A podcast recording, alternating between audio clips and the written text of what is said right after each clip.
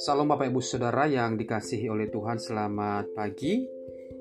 Pada pagi hari ini Mari kita sejenak merenungkan kembali kebenaran firman Tuhan.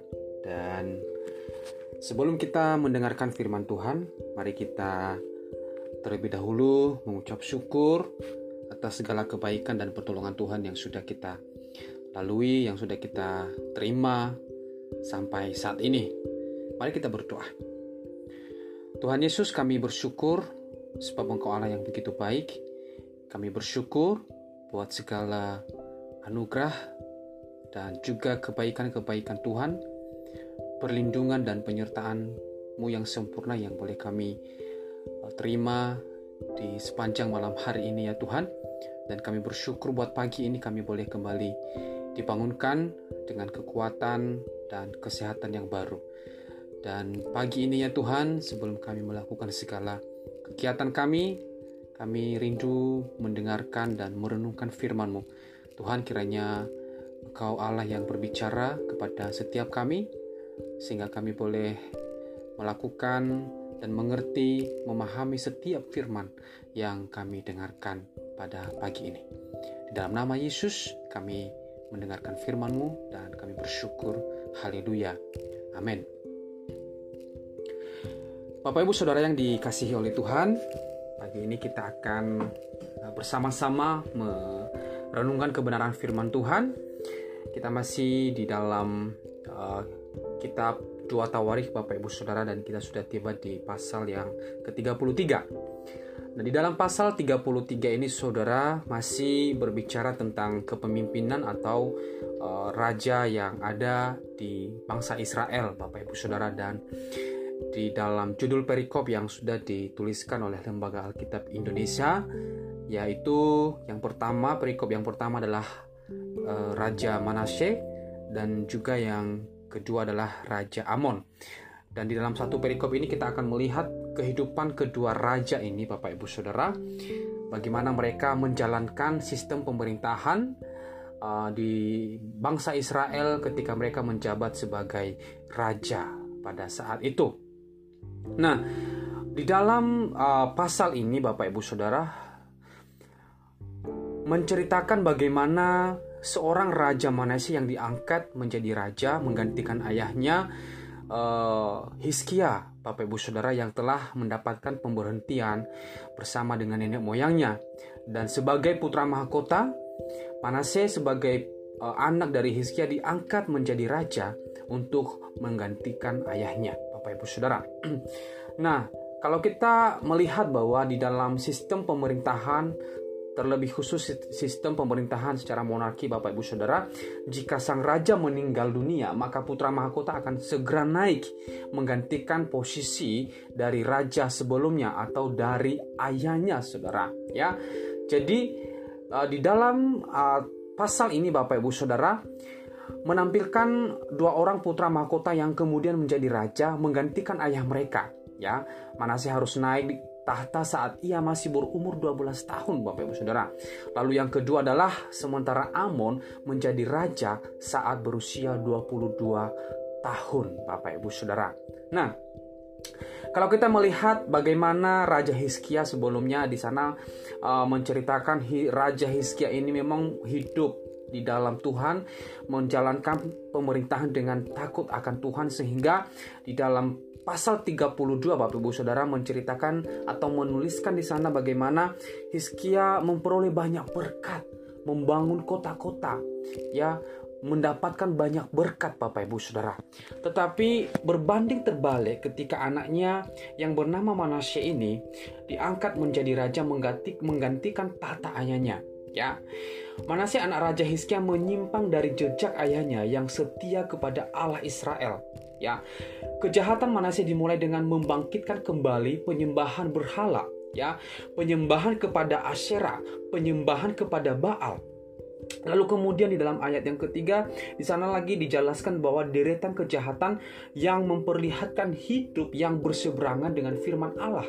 Nah, Bapak Ibu Saudara, Perbuatan Raja Manasye ini Bapak Ibu Saudara, dia bahkan bukan menyingkirkan mesbah-mesbah berhala-berhala tetapi dia mendirikan kembali ya. Bahkan mendirikan mesbah-mesbah di rumah Tuhan ya.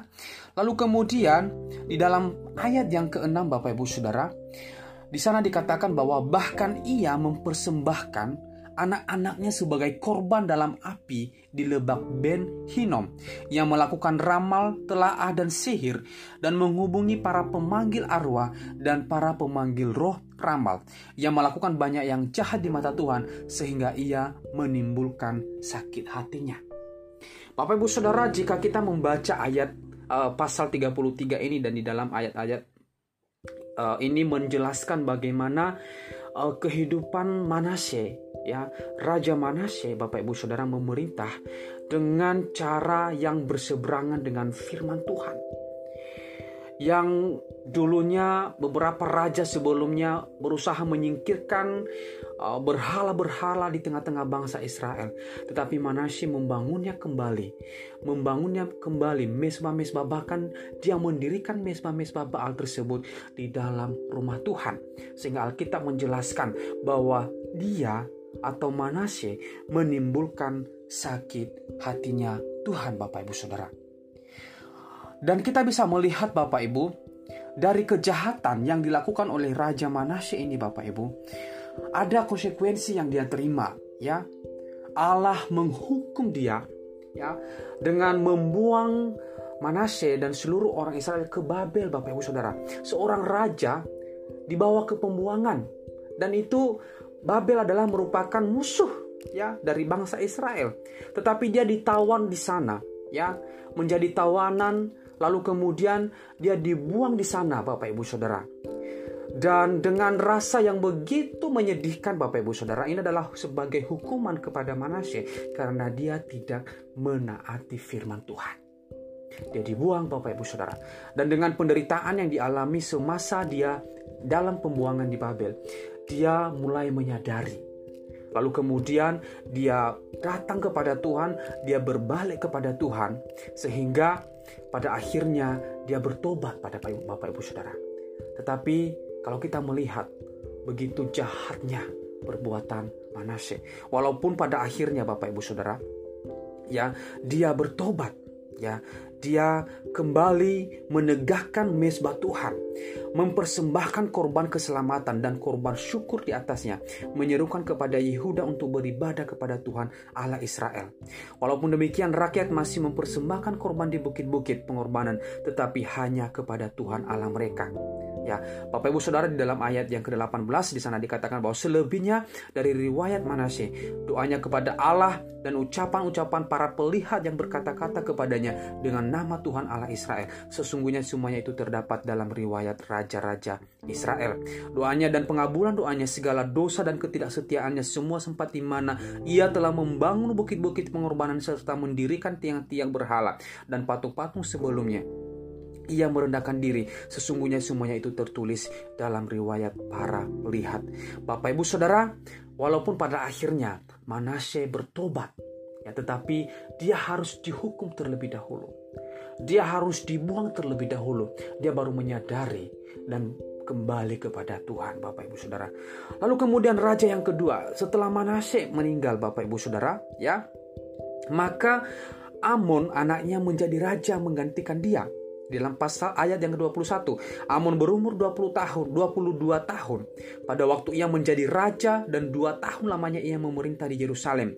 Ia melakukan apa yang jahat di mata Tuhan seperti yang telah dilakukan Manasye ayahnya. Amon mempersembahkan korban kepada segala patung yang dibuat Manasye ayahnya dan beribadah kepada patung-patung itu. Bapak Ibu Saudara, raja yang kedua yakni Amon, anak dari Manasye bukannya meneruskan pemerintah pemerintahan yang baik, tetapi malah meneruskan pemerintahan dengan cara-cara menyembah kepada berhala, mendirikan kembali patung-patung berhala, mendirikan kembali mesbah-mesbah persembahan korban persembahan kepada Baal Bapak Ibu Saudara.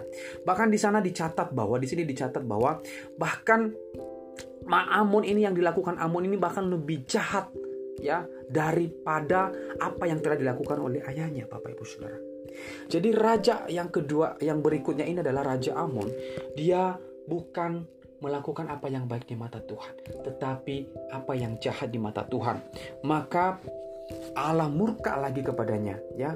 Allah murka kepadanya, lalu kemudian dia dibunuh Bapak Ibu Saudara. Akhir hidupnya yang begitu tragis di dalam ayat yang ke-24 di sana dikatakan, maka pegawai-pegawainya mengadakan persepakatan melawan dia dan membunuhnya di istana.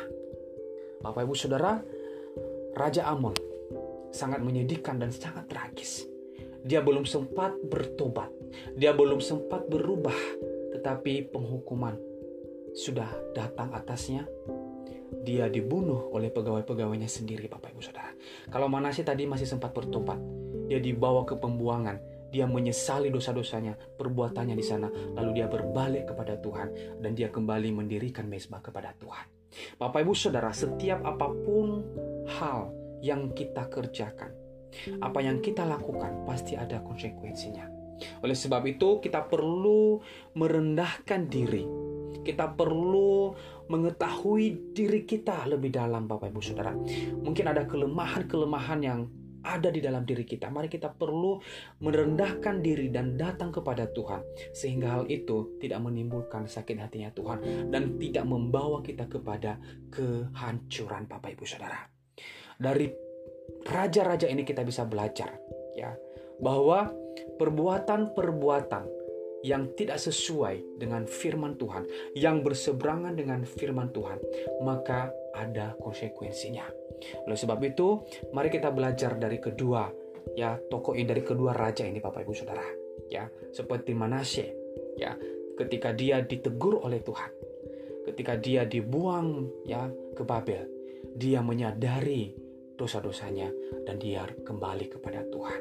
Hendaklah kalau kita sudah memiliki atau berbuat kesalahan, mari kita cepat sadar, lalu bertobat dan kembali kepada Tuhan. Bapak Ibu Saudara, kiranya firman pada pagi hari ini akan menjadi pedoman dan berkat bagi setiap kita. Terpujilah Tuhan. Amin.